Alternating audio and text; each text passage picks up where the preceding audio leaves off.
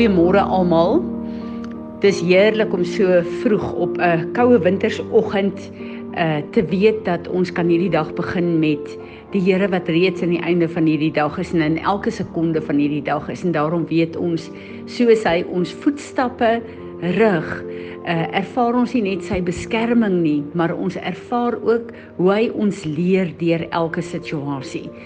En ehm um, iets wat vir my so opvallend is die afgelope tyd dat wanneer ons onder druk voel, dan uh, is dit asof wat ons met ons rug teen die muur gaan staan en asof wat al die goed wat van elke uh, plek in die lewe op ons gegooi word vir ons baie keer te veel is. En dan kom ons op plekke waar daar totale verwarring oor ons is en uh, dat ons nie regtig waar weet wat om te doen nie. En hierdie is letterlik die juke van die vyand. Nou ons leef nou in 'n tyd waar daar soveel dinge is wat na ons toe kom, soveel opinies, soveel persepsies en ek en jy moet op 'n plek kom waar ons seker maak dat ons nie toelaat dat die vyand juke op ons sit nie. Ons het al baie gepraat oor hierdie skrif waar Jesus gesê het: "Neem my juk. My juk is sag en lig." Hoekom? Omdat ons dan saam met Jesus gejuk is, soos daai osse in die Ou Testament en in die ou tyd. Ons is saam met Jesus gejuk en as ons saam met hom alle stappe beleef, dan is hy die heeltyd daar met sy salwing om ons te leer, om vir ons wysheid te gee, om die antwoord te wees op elke vraag en probleem wat ons het. En die oomblik as ons en da, dit beteken dat jy dan in sy vrede is, want hy en die woord is op plek in jou lewe. Jy is langs hom, hy stap saam met jou. So sy juk bring jou in die regte posisie om enige land te ploeg, om enige grondgebied in te neem, om enige probleem te oorkom, om presies te weet wat om te doen in watter situasie, om presies te weet waar om te gaan. So hierdie juk van Jesus is die juk wat ons in plek hou in ons verhouding met hom, maar ook vir ons wandel op aarde met wat ons hier moet doen, want dit verseker dat hy saam met ons is, dat ons luister vir sy gees en dat sy gees ons lei in die volheid van alles in ons lewe maar meer is dit dat sy gees ons ook in die oorwinning lei in elke situasie wat die vyand teen ons afskiet. Nou as ons kyk na ehm uh, Jesaja 10 vers 27, 'n baie baie bekende skrif, dan staan hier, ek wil dit vir ons lees. So in that day the burden of the Assyrian will be removed from your shoulders and his yoke from your neck. The yoke will be broken because of the fat. Die ander uh, uh, uh, vertaling sê because of the anointing. Nou kom ons kyk nou, die Assyrians was die vyand daai tyd van Israel gewees. So die vyand sit 'n juk op jou skouers want hy wil jou graag lei in sy weë. Hy wil jou graag lei na plekke toe weg van Jesus af waar al sy stemme jou bom bombardeer, waar sy strukture uh op jou neerdruk, waar jy uh goed moet doen en onder sy heerskappy moet staan uh wat nie van die Here af is nie. En in dit voel jy die heeltyd ongemaklik jy voel nie lekker nie. Jy voel oppressed soos die Engelse sê. Jy voel daar is goed verkeerd maar jy weet nie regtig wat om te doen nie. En jou lewe raak swaar en moeilik. En dit voel vir jou jy weet nie wat om te doen nie. Jy's in verwarring. Jy weet nie watter besluite om te neem nie.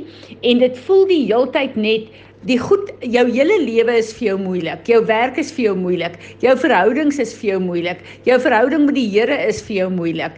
En dit is die jukke van die vyand. Hy kom sit dit op jou skouer om jou te neergedruk te maak, te oppress. Hy kom en hy trek jou die heeltyd weg van God se plan vir jou lewe. God se volheid vir jou lewe. En dis gedurig 'n getrek en 'n gestoei Dit is wanneer daar juke van die vyand op jou is. Dan kom bekommernisse oor jou. Dan kom vrees, jy raak benoud vir alles. Jy gaan nie dit maak nie. Jy gaan doodgaan in hierdie COVID storie. Jy gaan nie genoeg finansies hê nie. Jy gaan nie, jy gaan nie, jy gaan nie. So daai onvermoë kom en wek soveel vrees by jou op.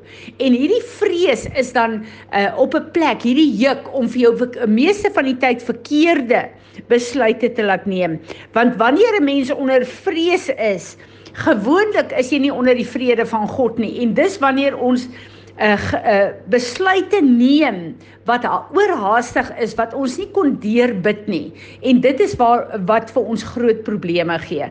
Nou kom hierdie skrif in Jesaja en hy sê dat hierdie juk wat op jou skouers is van die vyand sal gebreek word deur die salwing because of the fat sê hierdie skrif in hierdie vertaling.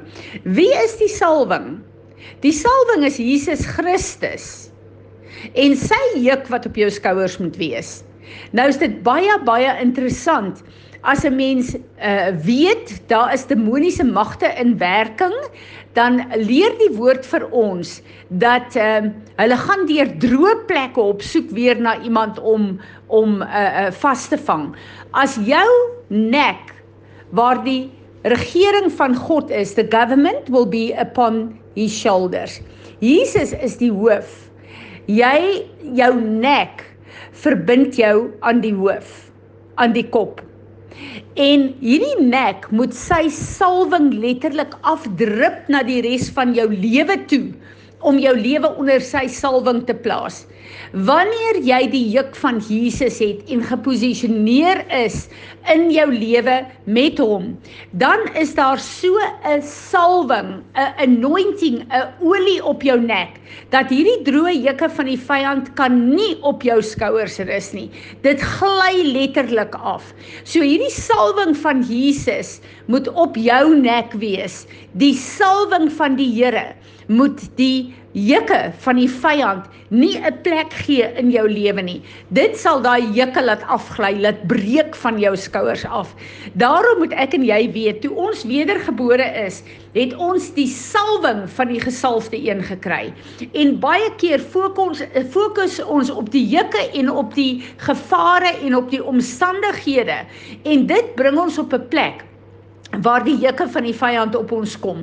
Nou die beste manier om die salwing van die Here 'n besluit in te neem is wanneer jy letterlik kom in wat jou omstandighede ook al is om hierdie gesalfde een aan te gryp en om te begin loof en prys en aanbid hardop. Laat jy letterlik jou arms in die lug steek. Laat jy op jou voete staan Dis so belangrik om hierdie profetiese aksies te doen want as ons kyk wat Paulus vir ons leer in die boek van die van Efesiërs met die uh, wapenrusting, dan sê hy hier is julle volle wapenrusting en ons weet hierdie is nie net 'n klisjé nie. Dis 'n leefwyse. Dis die woord wat op plek is in ons lewe. Maar dan sê hy vir ons aan die einde van daai wapenrusting, staan.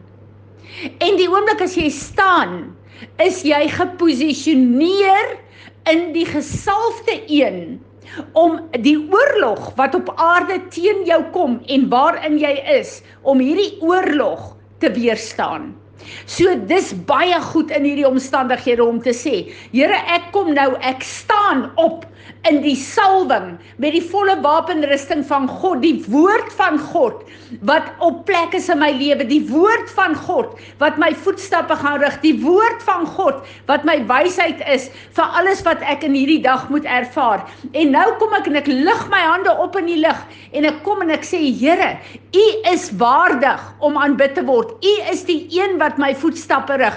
U is die een wat ek vasgryp sodat U salwing elke juk van die vyand oor my sal breek in hierdie dag. En u is die een wat met goddelike wysheid en die waarheid van u woord as swaard in my lewe elke geveg van die vyand oorwin want u het dit op Golgotha afgehandel en ek staan in die salwing van die afgehandelde werk op die kruis van Golgotha. Ek staan in die opstandingskrag van Jesus Christus, die gesalfde een wat my Heer en my meester is.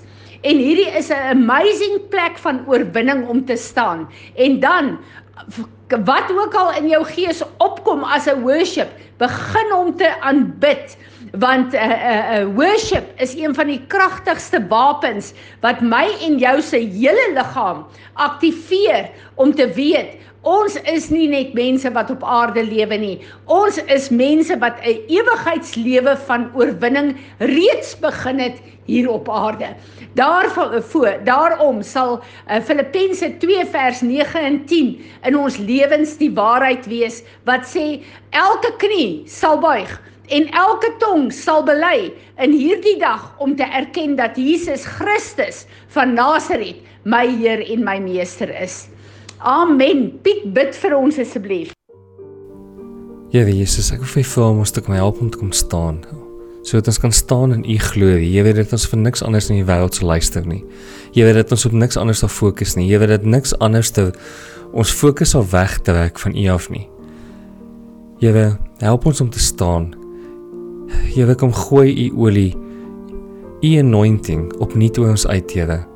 Jy weet dit dat dit ons hele lywe kom. Jy weet dat dit in ons wese kom intrek. Weet dat ons in U sal staan en sal luister en op U sal fokus en op niks anders te nie. Jy weet dat niks anders te in hierdie wêreld ons sal wegtrek van U af nie. Jy weet help ons met dit. Weet ek vra vir U dat U 'n fresh anointing sal uitgooi op elke mens wat na hierdie podcast luister. Jy weet dat hulle U teenwoordigheid opnuut sal voel en dit loop nie die energie sal hê om op te staan en te staan in hulle plek binne in U Here en U te volg. Dankie Here vir U grootheid. Dankie dat U ons help in hierdie plekke. Dankie Here. Amen.